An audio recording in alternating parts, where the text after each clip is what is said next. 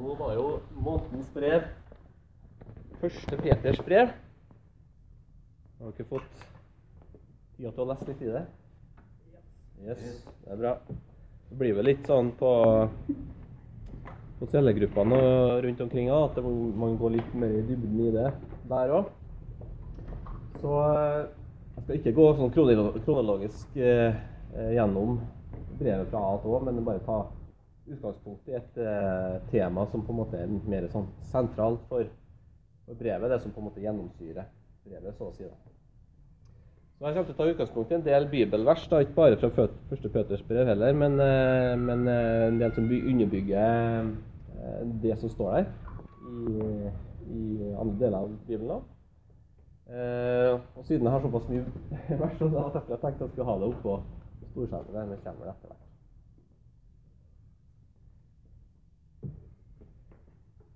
Yes. Eh, men det som er på en måte det sentrale da, i det her brevet, eh, det er jo det som, det som står her på punktene her. Eh, å forstå de kristnes lidelse på jorda ut fra et sånt himmelsk perspektiv. Altså hva det håpet vi har som, vi har som kristne, midt i en verden som eh, i mange tilfeller oppleves vondt for mange, også mange troende.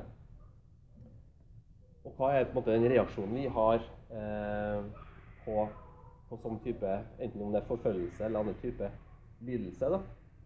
Eh, at vi ser på Jesus. Hva var på en måte hans respons eh, på det her mens han vandrer her? Og på en måte som er et forbilde for oss. da. Og så er det siste da, eh, hvordan vi kan leve et, et uh, gudfryktig liv midt i et samfunn som, som på mange måter uh, føler at forfølger eller motarbeide oss. da. Så det er på en måte det som er, er bakgrunnen for det brevet her. Det er mange kristne som, eh, som opplever mye forfølgelse rundt omkring i verden, eh, og samtidig at, de føler at troa blir satt på prøve eh, ut ifra å oppleve vanskelige ting i livet, sykdom osv. Som gjør at man kan føle på mye ting, eller begynne å stille en del spørsmål, kanskje kjenne på tvil. Eh, hva er det her for noe? Hvorfor opplever vi det her? Eh, hva er meninga med det her, Gud? Så det er liksom det å få et, et rett perspektiv på det her, da, tror jeg er veldig viktig. Å forstå på en måte lidelse og altså det som det står mye av i, i brevet. Eh, prøvelser, altså som vi møter. Ut fra et eh, bibelsk perspektiv. Eh, og Ehm, ja. Jeg har med meg en sånn klikker her også, skal vi se. Det er jo veldig aktuelt da, i dagens eh, verden òg. Altså, ikke bare også forfølgelse. Det, det er på en måte det som er den sentrale eh, lidelsen i dette brevet. da. Jeg tenker for, eh, Lidelse kan jo være knytta til mye forskjellig. I hvert fall det med at trua blir prøvd. Kan jo være knytta til mye ulike ting. Kanskje som, mer som vi kjenner oss igjen i. Eh, enten det er sykdom, eller det er ting i familien, eller om det er ja, press fra ulike hold. Mens når det gjelder eh, lidelse i form av forfølgelse, da, så er det jo det veldig aktuelt sånn på verdensbasis. Det er utrolig mange som blir forfulgt for uh, troa si. Eh, også det som er veldig aktuelt i dag, da, det er jo det som skjer borti uh, Syria nå. Fryktelig mange, av Irak. Fryktelig mange kristne som har blitt fordrevet pga. Uh, det som skjer der. da. Jeg leser jo det her også, at det er over en, eller var 1,5 millioner kristne i Irak før. Nå er det bare rundt 200 000 igjen. Eh, også en rapport fra Åpne dører. Der er det, var det de at det er mer enn 60 land rundt omkring i verden som opplever mange forfølgelser pga. den kristne tro. En annen sånn artikkel jeg har lest, så anslår de at ca. 70 millioner kristne fra det er jo sånn anslagsvis og veldig rundt tall, men eh, 70 millioner kristne har blitt drept pga. troa si fra eh, altså Jesu, da Jesus etter Jesus vandra her, skulle jeg si, fra tidlige tider og helt opp til nå så er ca. 70 millioner kristne drept pga. troa si. Så det er ganske mange. Så det, det er jo på en måte den her spenninga imellom eh, Jesus snakka om denne spenninga som er mellom Guds rike og denne rika som er på jorda. Og på en måte i den, eh, den konflikten der så er det mange som vil oppleve å bli forfulgt. Jesus sa jo at har de forfulgt meg, så vil de også forfølge dere. Så Det er på en måte en, en realitet vi, vi, lever i, og på en måte som er veldig aktuelt uh, for oss. da. Men på en måte hensikten med brevet, da, hvis vi skal ta tak i det først Grunnen til at Peter sender det her ut, bakgrunnen for det, det vi, kan vi lese helt bakerst i brevet. Der sier på en måte hva er som er hans eh, hensikt med brevet. Han sier at må all nådes Gud, som kalte oss til sin evige herlighet ved Kristus Jesus, etter en kort stunds lidelse, dyktiggjør, grunnfest, styrke og befest dere. Så han sier at vi, han ønsker å lage et, eh, altså Gud lager et solid fundament i oss. Jesus snakker om å bygge huset sitt på på stein, på fjell. Eh, sånn at ikke, når det, når det begynner å blæse på toppene, ikke sant, at man står støtt. Samme hvilken type motgang eller eh, ting man står i, så står man på fast grunn. Så det er som på en måte bakgrunnen for det her. Og det er også, eh, så sier han også at eh, han, skriver, han, skriver, det for at, å oppmuntre og vitne om det Guds sanne nåde. Guds, med Guds nåde har de blitt frelst. Guds nåde så kan de leve i det her jordiske livet. Eh, samme hvordan prøvelser og motgang de må stå i.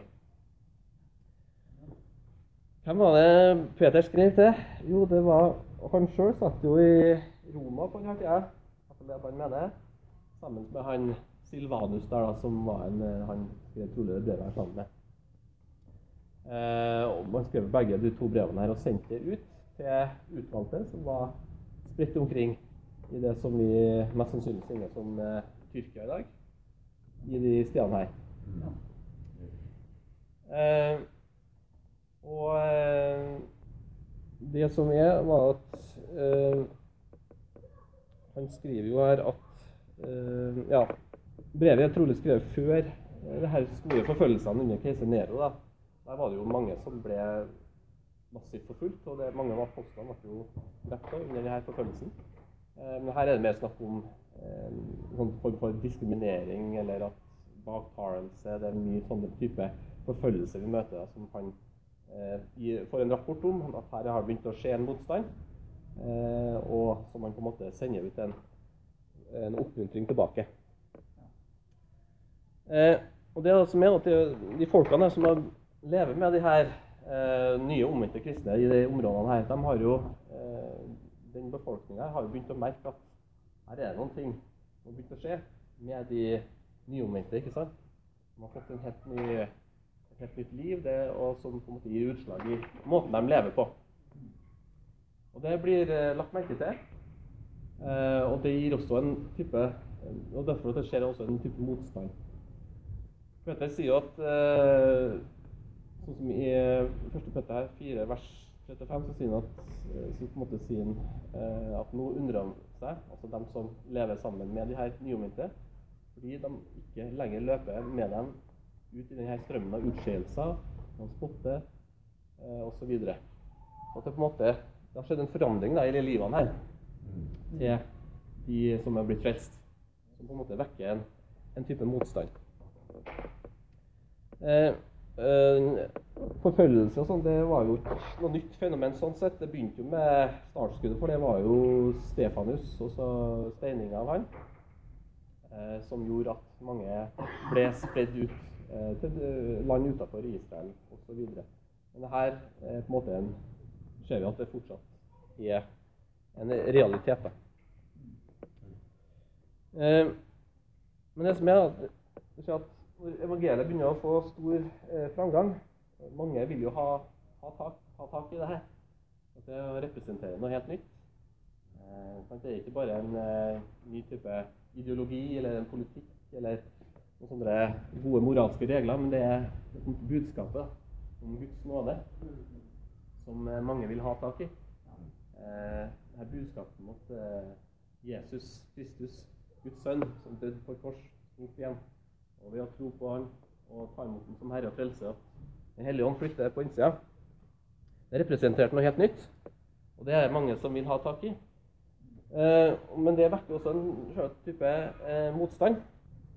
Eh, og det er mange som begynner å føle på en sånn forfølgelse og undertrykking. Og mange opplevde også drap etter hvert. Blir forfulgt i stor grad. Og midt i det her da, så er det jeg tror, mange som blir litt overraska. Blir litt forundra. Eh, og litt sånn satt ut av spill. Fordi at eh, det her er på en måte Nå har man tenkt at det her gir jo endelig mening. Det her er noe som gir mening for oss. Eh, det er frelse, sant. Og ifra syndene og alt. Ved å ta imot, eh, ta imot en gave til oss. da. Men samtidig så tror jeg det er mange som blir litt overraska i det og forundra av at det nå begynner å skje en såpass stor eh, motstand. Opplever press. Og det tror jeg mange i, i dag også vil kjenne på. Altså Når du har tatt imot Jesus eller levd med Gud lenge, så vil du begynne å kjenne litt på det her med livets omstendigheter. Enten om det er sykdom, eller det er direkte forfølgelse, som vi ser det fins veldig mye ut av. Eh, ting som på en måte setter oss litt ut. da som gjør at folk begynner å tenke hva, hva er det her for noe? ting? Hvorfor opplever vi det her? Begynner å stille spørsmålstegn. Um, tvil begynner kanskje å, å, å, komme inn i hjertet og på en måte forkludre mye av det her som egentlig ikke er fra Gud i det hele tatt. Uh, og jeg kjenner også mange personlig som har dessverre har forlatt troa si pga. at det har vært så mye store ting i livet så type sykdom eller press. Sant? Ting i familien som har gjort at det her eh, Man begynner å kjenne altfor mye på tvil, og så tenker jeg at det her, eh, det her klarer ikke jeg å på en forholde meg til. Og, men eh, det her det er jo nettopp det her som man, Peter sier da, eh, i det her brevet. Som på en måte mange begynner å stille spørsmålstegn ved. en jeg ser for meg at mange på en måte stiller det her spørsmålet hva, hva er på en måte meninga med det her? Eh, hvorfor må vi gjennom så mye eh, ting som setter oss på prøve? Da? Og det er det han sier, eh, Peter her, da. Vær ikke forundra over en ildprøve dere må igjennom, som om det henter dere noe uventa. Gled dere jo mer dere får del i Kristi lidelse. så dere kan juble av glede når Han åpenbarer seg i sin herlighet. Salig er det dere når når dere blir spottet for Kristi navns skyld. Guds ånd, herlighetens ånd, hviler over dere. Så ser jeg at Peter er ikke noe sånn overraska i det hele tatt. Dette er ikke noe uventa. Det er faktisk venta, denne type motstand. Ikke sånn at han blir bekymra og tenker hm, ah, det var jo litt dårlige nyheter. Eh, det er ikke sånn at han på en måte mister helt fotfestet. Det er heller ikke sånn at han bare sier ja, det her må dere bare prøve å takle mestre på best mulig møte, Men si, vi skal glede oss desto mer vi får ta, ta, del i det her. Motstanden. Og eh, det som er at grunnen til at han sier det, da, og at han kan være så frimodig på det, det er jo for at Peter har sett noe. Han eh, vandra jo med Jesus når han gikk her på jorda. Sant? Og han føler seg å ha fått den åpenbaringa her. Hva er det han har fått har de fått åpenbaringene som gjør at de kan på en måte glede seg midt i motgang, midt i det som oppleves veldig vondt og mye press og lidelser osv. Det er jo at, at han har fått en åpenbaring om at selv om vi er blitt frelst og fått ånden på innsida, så er vi fortsatt her fysisk på jorda. Selv om vi har eh, altså vi har fått tatt del i et, et nytt rike da, med Jesus som Herre. Mørket, eller lyset i oss, skiller seg plutselig fra mørket rundt oss. Så det, på en måte, eh, det er et sånn tydelig skille der.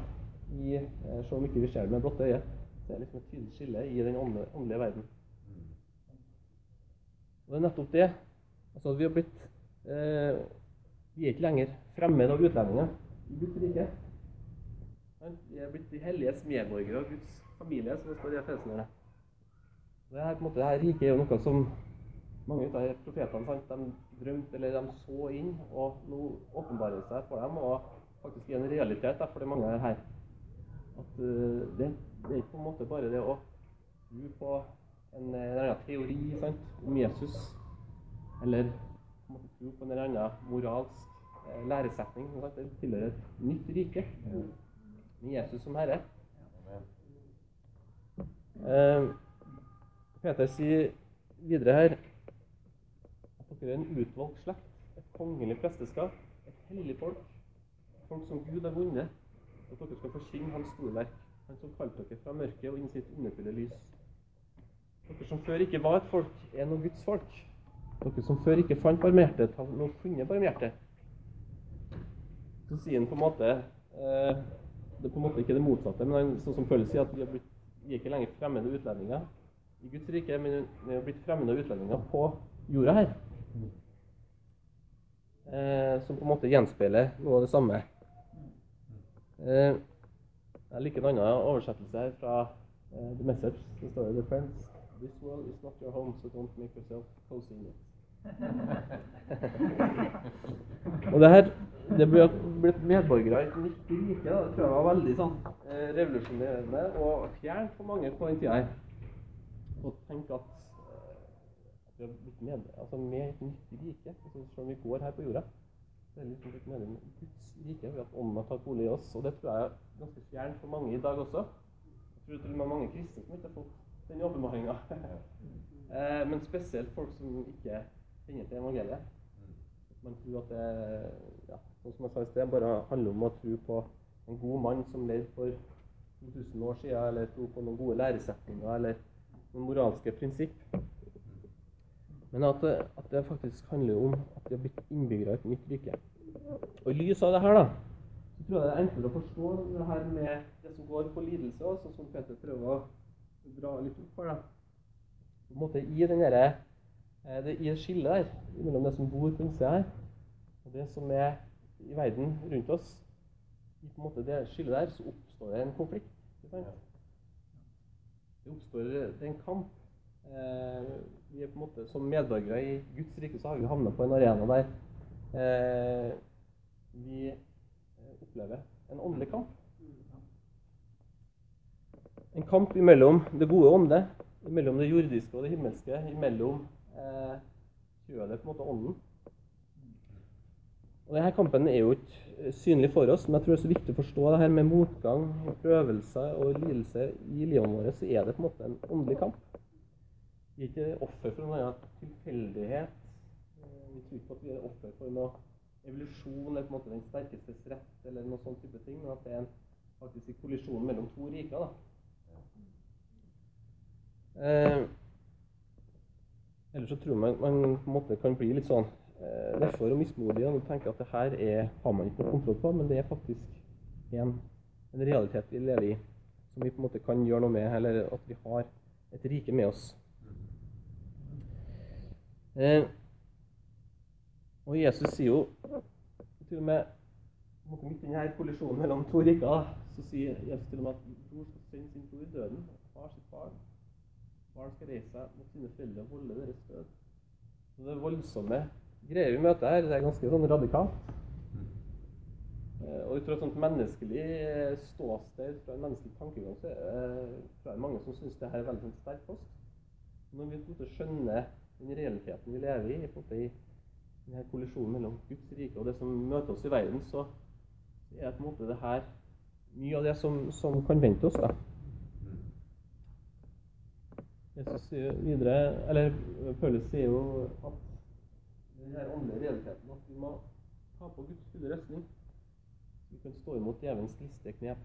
Vi har ikke en kamp mot kjøtt og blod, men mot makta og åndskrafta, mot verdens herskere i det her mørket, mot ondskapens ånde her i himmelrommet.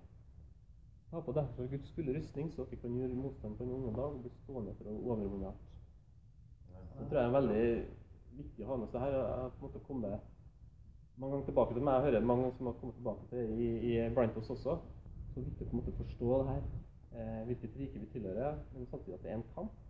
Og at vi på en måte må eh, stå opp og på en måte kan kjempe da, med den identiteten vi har i Kristus.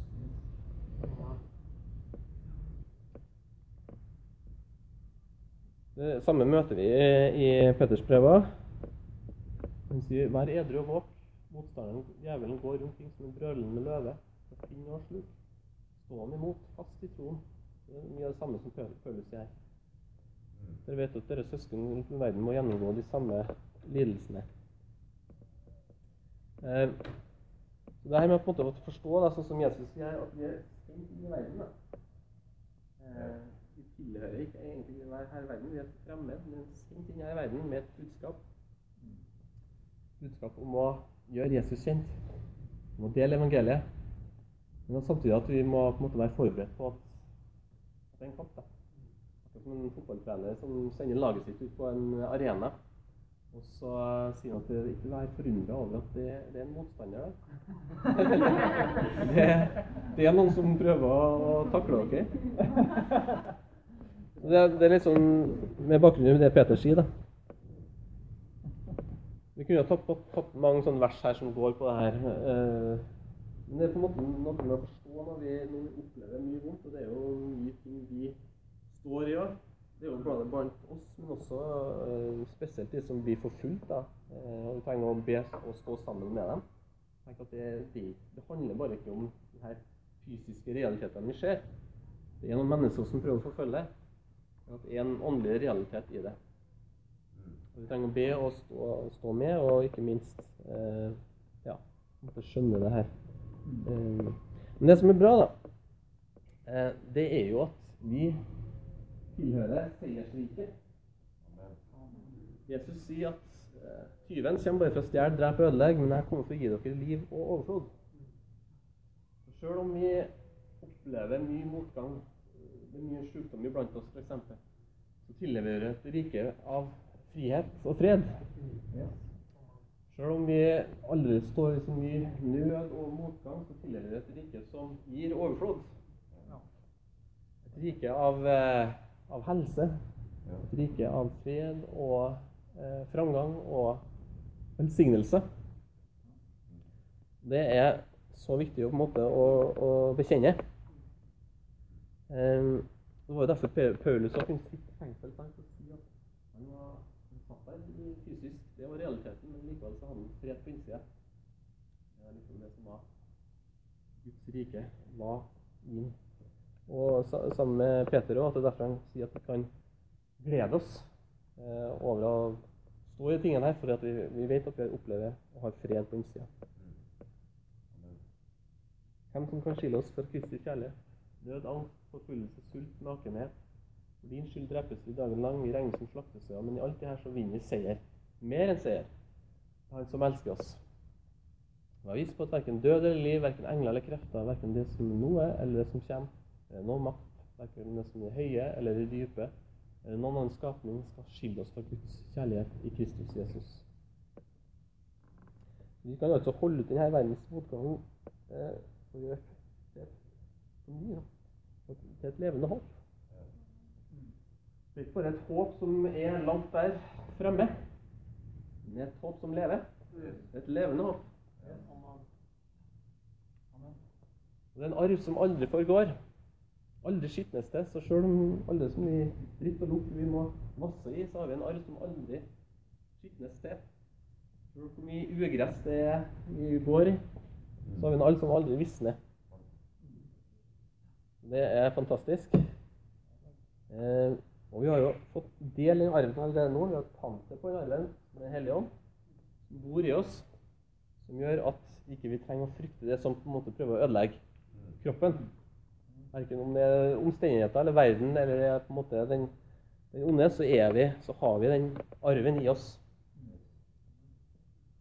Jesus sier at vi ikke trenger å være redd for det som prøver å drepe kroppen, men ikke kan drepe sjelen. Det er han som kan drepe både, eller ødelegge både sjel og kropp i helvete. At Gud er med, og eh, vi trenger ikke å frykte. Vi lever ved Ånden. 1. Peter 3, vers 18, så står det Kristus er led for synder en gang for alle, den rettferdige for urettferdige, for å føre frem til Gud. Men kroppen døde han, men ånden ble han gjort levende. Vi er korsfesta med Jesus, vi er begravd med Jesus, vi har stått opp til et nytt liv i ånden. Så vi, eh, Vi trenger ikke å være på en måte engstelig. Amen. Samtidig så vet vi at når vi er hjemme i innbyggere i Guds rike, er vi på en måte medborgere der, men vi er også Guds ord at vi er soldater, vi er stridsmenn for Jesus. Og siden at vi vet at vi har seier, så kan vi også bære lidelsene som en god stridsmann, som Paulus snakker om. Samtidig så vet vi at vi har fått utdelt et våpen, et sverd, med Guds ord, som vi kan kjempe med. Og Det tror jeg er veldig viktig for oss å forstå. Så at ikke vi vi er overlatt overlater å tro at det her, de tingene som møter oss av realiteter, er noe vi ikke har helt kontroll på. Eller eh, noe vi ikke vil klare å gjøre noe med. Å på en måte bare eh, la seg føre med av ting som oppleves vanskelig. At vi står litt på stedet hvil. Men vi kan faktisk slåss og kjempe med muren, altså med Guds ord. Det tror jeg er, viktig eh, for oss å forstå. Altså at når Jesus òg ble sto i mye av det som var veldig vanskelig, f.eks. når han ble prøvd, eh, gikk i ørkenen i 40 dager og 40 netter. Var lett å overgi seg når han eh, ikke hadde spist og var helt sliten og eh, var på randen av sammenbrudd, men brukte ordet aktivt. Hardt imot djevelen. Vi lever av hvert ord som kommer fra Guds munn. Og eh, ja, vi så at djevelen flykta ifra han da.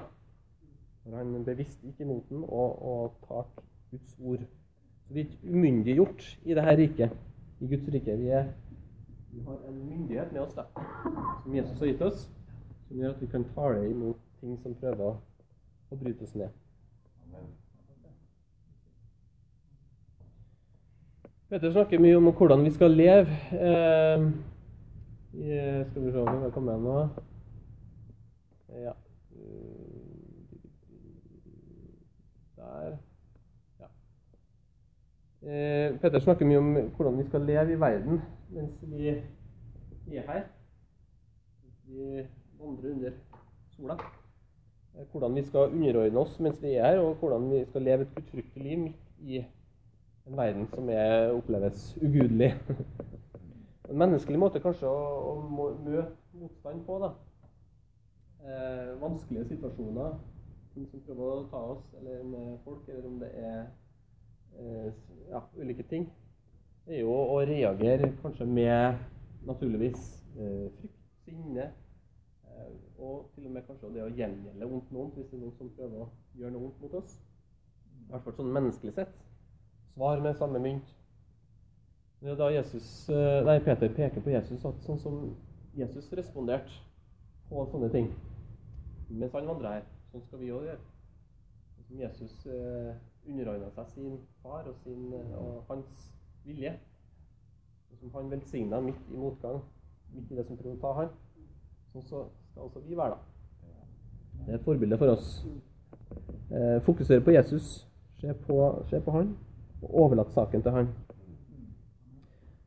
Vi vi så til og med i at selv om han var sønn, så lærte han lydighet gjennom å lide. Han nådde fullendelsen, ble han opphatt til en evig frelse som, som avdøde. Og Det er jo ganske spesielt. Og eh, litt sånn mysterium, da. Men, eh, men det er i hvert fall sånn at vi, vi lever også Vi underordner oss eh, Gud. Underordner oss på en måte hans vilje. Og på en måte uavhengig av hvilken verden vi lever i. Eh, Samme hva som møter oss, så, så lever vi etter hans vilje. Det det vi på en måte kan lese her i eh, første Petersbrev 2, vers 11-21. Jeg må egentlig lese alt det her. Jeg formaner dere, mine kjære, som fremmede og utlendinger, sky lystene som kommer fra deres kjøtt og blod, og som fører krig mot sjelen. Lev rett blant hedningene, så de som baktaler dere og kaller dere om, kan se deres gode gjerninger og prise Gud den dagen han kommer. Dere skal for Herrens skyld underordne dere enhver myndighet blant menneskene, enten det er keiseren, den øverste, eller landshøvdingene som han har utsendt. Vi skal straffe dem som gjør det onde, og rose dem som gjør det gode. For det er Guds vilje at ved dere gjør det gode, skal stoppe munnen på uforstandige og tankeløse mennesker. Dere er fri. Bruk bare ikke friheten som påskudd til å gjøre det onde, men til å tjene Gud. Vis alle ære, elsk søskenfellesskapet, frykt Gud og gi keiseren ære. Dere tjenestefolk skal med ærefrykt underordne deres herrene deres, ikke bare de gode og vennlige, men også de vrange.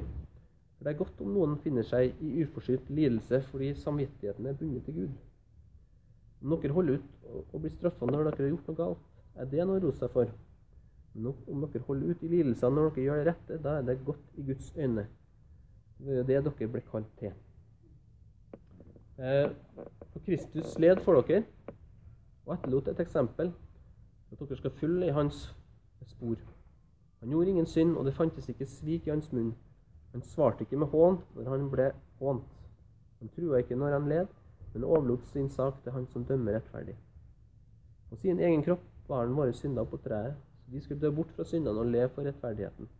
Ved hans sår ble dere helbreda. Dere var lik sauer som hadde gått dere vill, men nå har dere vendt om til Han som er hyrde og tilsynsmann for deres sjeler. Så dette er jo på en måte den praktiske sida av å leve ut på frelseslivet midt i denne verden. Vi lever godt og rett blant tjeningene. Vi velsigner. Vi underordner oss på en måte enhver eh, Ja, vi underordner oss Jesus, vi underordner oss enhver myndighet som er i denne verden. Om det er kongen, eller om det er statsministeren, om det er Clinton eller Trump. som det kanskje oppleves veldig vanskelig for mange. Så er det, så er det sånn eh, Gud sier at vi skal gjøre. Vi lever på en måte slik Jesus underordna seg sin far og hans vilje. Og vi gir Gud ære, og vi måte stopper munnen på dem som, som eh, er uforstandige, som Petter kaller det. Vi lever et gudfryktig hellig liv, sånn som Jesus gjorde. sant? Så han levde helt hellig og gudfryktig eh, midt i all den motstanden han møtte. På samme måte så oppfordrer Gud til, også til å leve et gudfryktig liv. Og på en måte, eh, Omstendighetene rundt oss det inngikk ikke på prinsipper for hvordan vi skal leve. Om vi er elska eller hata, eller om vi er forfulgt eller eh, akseptert, lever vi sånn som Gud ønsker at vi skal leve. Det er vitne da, om eh, Det er på en måte et vitnesbyrd. Det gir ære til Gud. Og vitne om det her frelseshåpet i Jesus. Ehm, ja.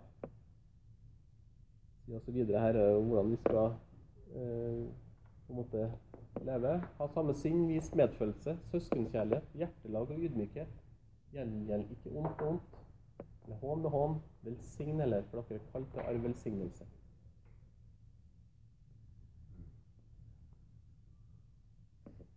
En annen oversettelse jeg liker, det er fra heter Message.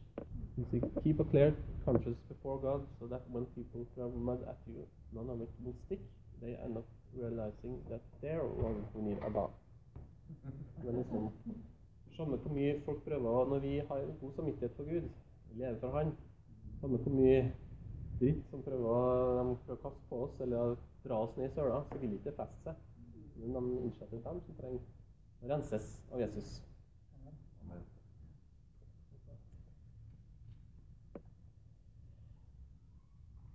Peder snakker også mye om at eh, vi blir forma gjennom prøvelse. Altså at trua vår blir styrka gjennom prøvelse.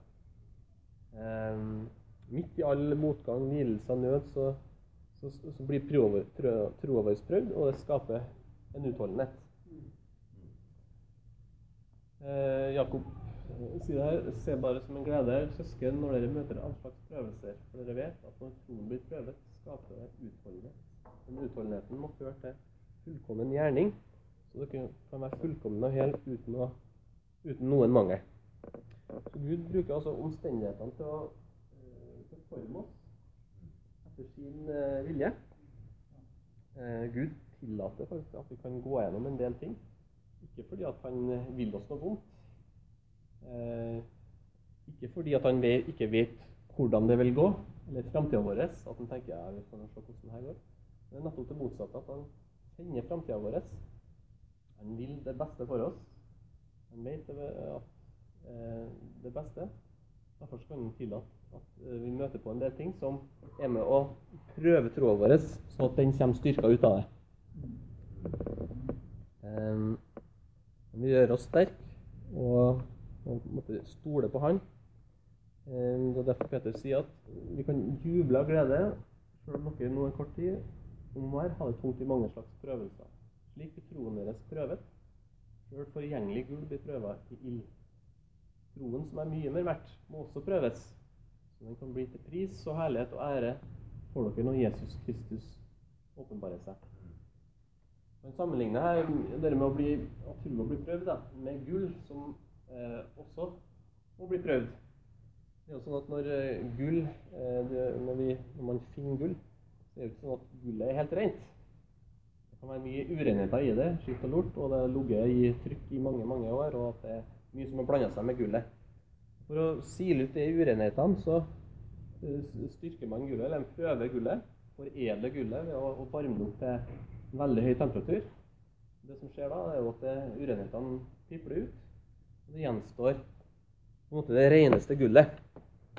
Og, eh, og Peter sammenligner her eh, nettopp det. da. Og trua vår, som er mye mer dyrebar enn gull, blir også prøvd. Og trua er så dyrebar for Gud og for oss at, eh, at, at det på en måte skjer. Så i en sånn setting Hva er det som skjer? Jo, i perioder i situasjoner i livet der det er mye press, der det er mye kjenner på en måte varmen og heten kommer, så, så står trua vår på prøve. Og alt det som ikke er gull, alt det på en måte som binder oss til verden, alt det som ikke har verdi for Gud, så urenheter og alt, måte eh, brenner bort. Og det som står igjen, er jo en styrka tro på at det er kun Jesus det her handler om. Eh, det, er bare han vi, vi, trenger. Det er han vi må stole på. Det er ingen eh, kompromiss. Det er kun Jesus. Så tvil og alt eh, på en måte eh, blir borte i en sånn type situasjon. Um, og som sagt, Gud vet det beste for oss. Han kjenner til framtida vår. Og vil, han lar oss komme styrka helt gjennom den prøvelsen. Um, dere kjenner jo til historien til Jobb som eh, Der han blir Han mister jo familien sin, han mister helsa si og hele rikdommen sin. Blir, står overfor en enorm prøvelse. Og 1. Peter er jo blitt kalt Det nye testamentets jobbsbok. så Det går jo på en måte fra hverandre. Men Der også handler det litt om det samme. Vi kan se på et, eh, et vers derfra òg. Så midt i det her da, så synda ikke Jobb.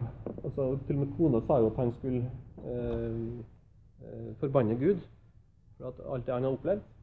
Men, men Jobb sitt, sitt, respons i det her, da er Mye av det som kan se her. Altså, han sier at han, han, kjenner den veien jeg tar. Derfor så kan han prøve meg, og jeg kommer ut fra det som gull. Det er på en måte den eh, responsen som, eh, som, Gud ønsker at vi skal ha også. Han kjenner oss bedre enn oss. Han kjenner oss, eller vi kjenner oss sjøl. Men det som er, er, så viktig, det er at midt i en sånn eh, prøvet stund, da, der du kjenner at det er, nå er livet skikkelig tøft Det er ikke sånn at Gud overlater oss til oss sjøl midt i den prøvelsen. Men det står faktisk at Jesus sjøl er midt i, blant oss, altså midt eh, i den prøvelsen. Gjerne si at vi har ikke en øverste prest som kan lide med oss i vår svakhet, men en som er prøva i alle ting, på samme måte som vi, men uten synd. Derfor vi tre formodig frem til nådens trone. Altså at Jesus er der midt i vanskelighetene sjøl, midt overlatt til oss, til oss sjøl. Um, det samme kan vi lese uh, i um, historien i Daniels boka. Uh, det er bilde på det som kommer lenger frem. Her er jo også en realitet de står for. De her tre guttene, Shadrach, Meshach og Abenego, som, som sto foran kong Nebukadnesar eh, og fikk en befaling om at de skulle eh, bukke og eh, forgude på en måte den statuen som han hadde laga. Men så nekta de. Og så fikk de da svaret at eh, ja vel, men da må dere inn i, i ilden. Ovnen ble varma opp sju ganger mer enn det den som var til vanlig. Eh, og det var jo en skikkelig sånn ildprøve de sto overfor. Det var ikke noe småtterier.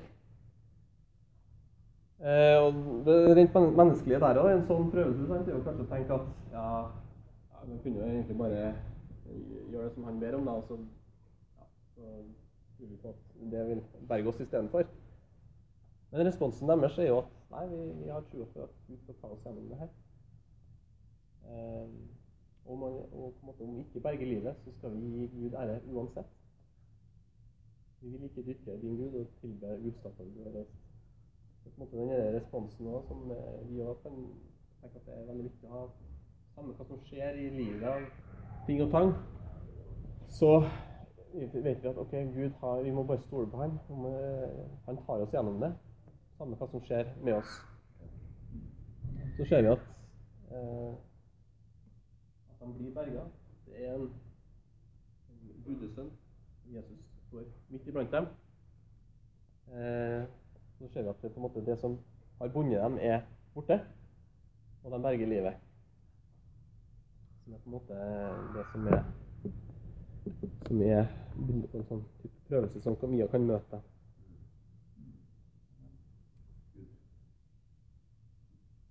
Eh, ja. Til slutt så har jeg egentlig bare et sånt vitnesbyrd. Eh, jeg snakket om på en måte om eh, ja, prøvelser og sånne ting som vi kan møte på i livet. Og jeg forteller fortelle noe kort vitnesbyrd fra ja, som handler om Guds eh, godhet. Da, og midt i en sånn vanskelig situasjon. Og hvordan også trua blir prøvd da, gjennom en sånn type fase. Så eh, ja, dere kjenner til Jeg har jo hatt mye litt sånn eh, problemer med Eller litt sånn helseutfordringer opp igjennom. Noe nytt. Eh, Men det, men det, sånn, det toppa seg litt i fjor sommer.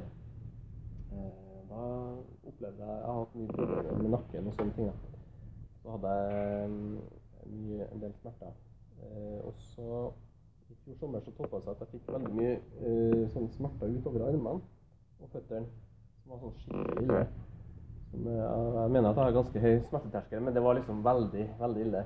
Eh, det var så ille at, eh, jeg sov ikke nesten på tre uker, eh, så å si. Eh, jeg klarte ikke å spise.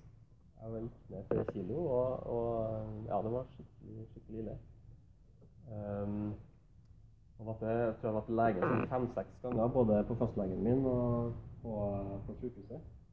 Og de fant ikke ut noen ting. Hva det var på en måte sånne ting. De tenkte kanskje at det stemmer for nakkeskade og sånne ting, men de visste ikke hva det var. Og vi var jo veldig fortvila, selvfølgelig, jeg og Ragnhild. Vi lå på gulvet og, og skrek og ba nesten hver eneste dag i den, i den fasen der. Eh, i sommer. da. Eh, og det var en veldig stor prøvelse vi var, sto overfor. Og det var faktisk så ille at eh, i en periode at jeg tenkte at nå var det slutten for min del. Sånn helt virkelig at jeg trodde jeg skulle gå i vei. Og Ragnhild hadde sagt etterpå at eh, hun trodde at jeg skulle eh, dø. For det var Jeg så så dårlig ut. Eh, men det gode da, det var jo at sjøl midt i denne eh, prøvelsen, eller lidelsen, du skal kalle det, så kjente jeg hvor Gud, eh, Guds nåde var bare så sterkt til stede. Hvor Gud eh, tar til meg så sterkt. Eh, og han ga meg så mye eh, ord da, gjennom den perioden der. At jeg leste sjøl. Jeg fikk ord fra andre i menigheten. Og, og det var jo masse, masse støtte fra menigheten den tida der. Sånn, sånn sett. Eh, og bare kjent eh, Guds godhet altså, holdt meg opp i den perioden der. Og sammenligna jeg fikk mye ord på det med å være i en, en slags ørken. Da, og sammenligna mye med israelsfolket når de vandra i Egypt og eh, opplevde mye prøvelse der. Og det var mye farer, det var mye sult og varme osv. Men, men Gud bare sa at det her skal du komme gjennom. Eh, Og, og sammenligna med liksom, det lovede land som lå langt fram der. Eh, du måtte komme inn i det landet her med rennende bekker osv. Og samtidig så minnet meg på at eh, de ordene som han bare brakte inn der, eh, var på en måte det her mannen fra himmelen. At det var det som fysisk holdt meg oppe. Og det tror jeg på òg. Eh, siden jeg fikk nesten ikke noe mat, sov ikke osv. Så, videre. så var, det var ikke bare åndelig, men fysisk sett var det som holdt meg opp i den perioden der. Alle de, de lovnadene og de ordene som kom fra, fra Gud. Det var liksom Guds nåde var så sterkt til stede. Eh, samtidig så, så på en måte sto jeg på en måte midt i en prøvelse, som Peter snakker om her.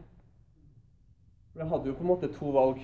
Jeg kunne velge å tro på det som Gud sa til meg, eh, og sa at jeg skulle komme gjennom det her. Jeg skulle komme til det lovende landet. Samtidig så kunne jeg på en måte velge å høre på det som på måte, verden sa, eller den unge sa, eller hvem det var. Som på en måte si at eh, nei, det her kommer du ikke til å overleve. Det her kommer du til å ha resten av livet. Videre. Og menneskelig sett så er det jo veldig sånn, er det kjenner jo at det her er jo helt håpløst. ikke sant? Du har ingen håp. Og, og jeg har ofte i hvert fall hatt avgått litt sånn tunge perioder før og sånn men der er jeg jeg har jo alltid trodd på at Gud skal ta meg gjennom det, men samtidig så har jeg hatt en sånn menneskelig strategi. Det tror jeg mange kan kjenne seg igjen i. Ha en sånn her eh, mestringsstrategi da, som heter psykologien. Sånn at du har alltid noen ting du kan gjøre for å takle de vanskelige situasjonene. Et sånt kjent begrep i psykologien. Men, eh, og det, det tror jeg alle er flinke til. Eh, at man alltid har en løsning på noen ting sånn menneskelig sett. Kan bare gjøre det, eller gå til den behandlinga her, så går det bra. Men i dette tilfellet her så hadde jeg ingen sånn strategi. Hadde ingenting. Altså, det var kun Gud jeg kunne stole på. Så det er på en måte, jeg tenkte at det her handler om liv eller død. Da. Og det, I den situasjonen der tror jeg alle har vært før. at jeg, for det her nå kan jeg bare stå på Gud. Altså, det var ingen leger som kunne hjelpe meg. Og da kjente jeg i den perioden der, eller altså i det øyeblikket jeg sa at ok, Gud, jeg stoler på deg. I det øyeblikket jeg sa det, så blir trua på en måte prøvd. Og det er da den blir til gull, ikke sant? At uh, alt som binder oss til verden, uh, alt det på en måte som uh, av bekymringer, eller tenk, at du tenker at nei, jeg stoler ikke helt på deg, Gud, eller sånne bekymringer, alt sånt, bekymringer for, eh, for økonomi, eller unger eller familie. Det på en måte bare brant bort, det forsvant. Det var kun å stole på Gud. Det var altså trua ble gull, da. Foredla. Og i etterkant av den perioden her, da det, det er jo ikke på en måte Gud som satte meg i den situasjonen der, men han brukte den situasjonen der til å på en måte gjøre noe, komme noe, få noe godt ut av det. Og i etterkant av den, den perioden der, så, så kjenner jeg at, eh, den her trua på at Gud er eneste Gud du kan, eller jeg stoler på i alle ting. Enten det er ja, som sagt, familie, økonomi, sånne ting, bekymringer, det er på en måte bare forsvunnet. Eh, ja, i mye større grad. Og trua på Gud, og at han kan ta oss gjennom vanskelige ting. Yes. Det var egentlig det jeg tenkte jeg skulle dele.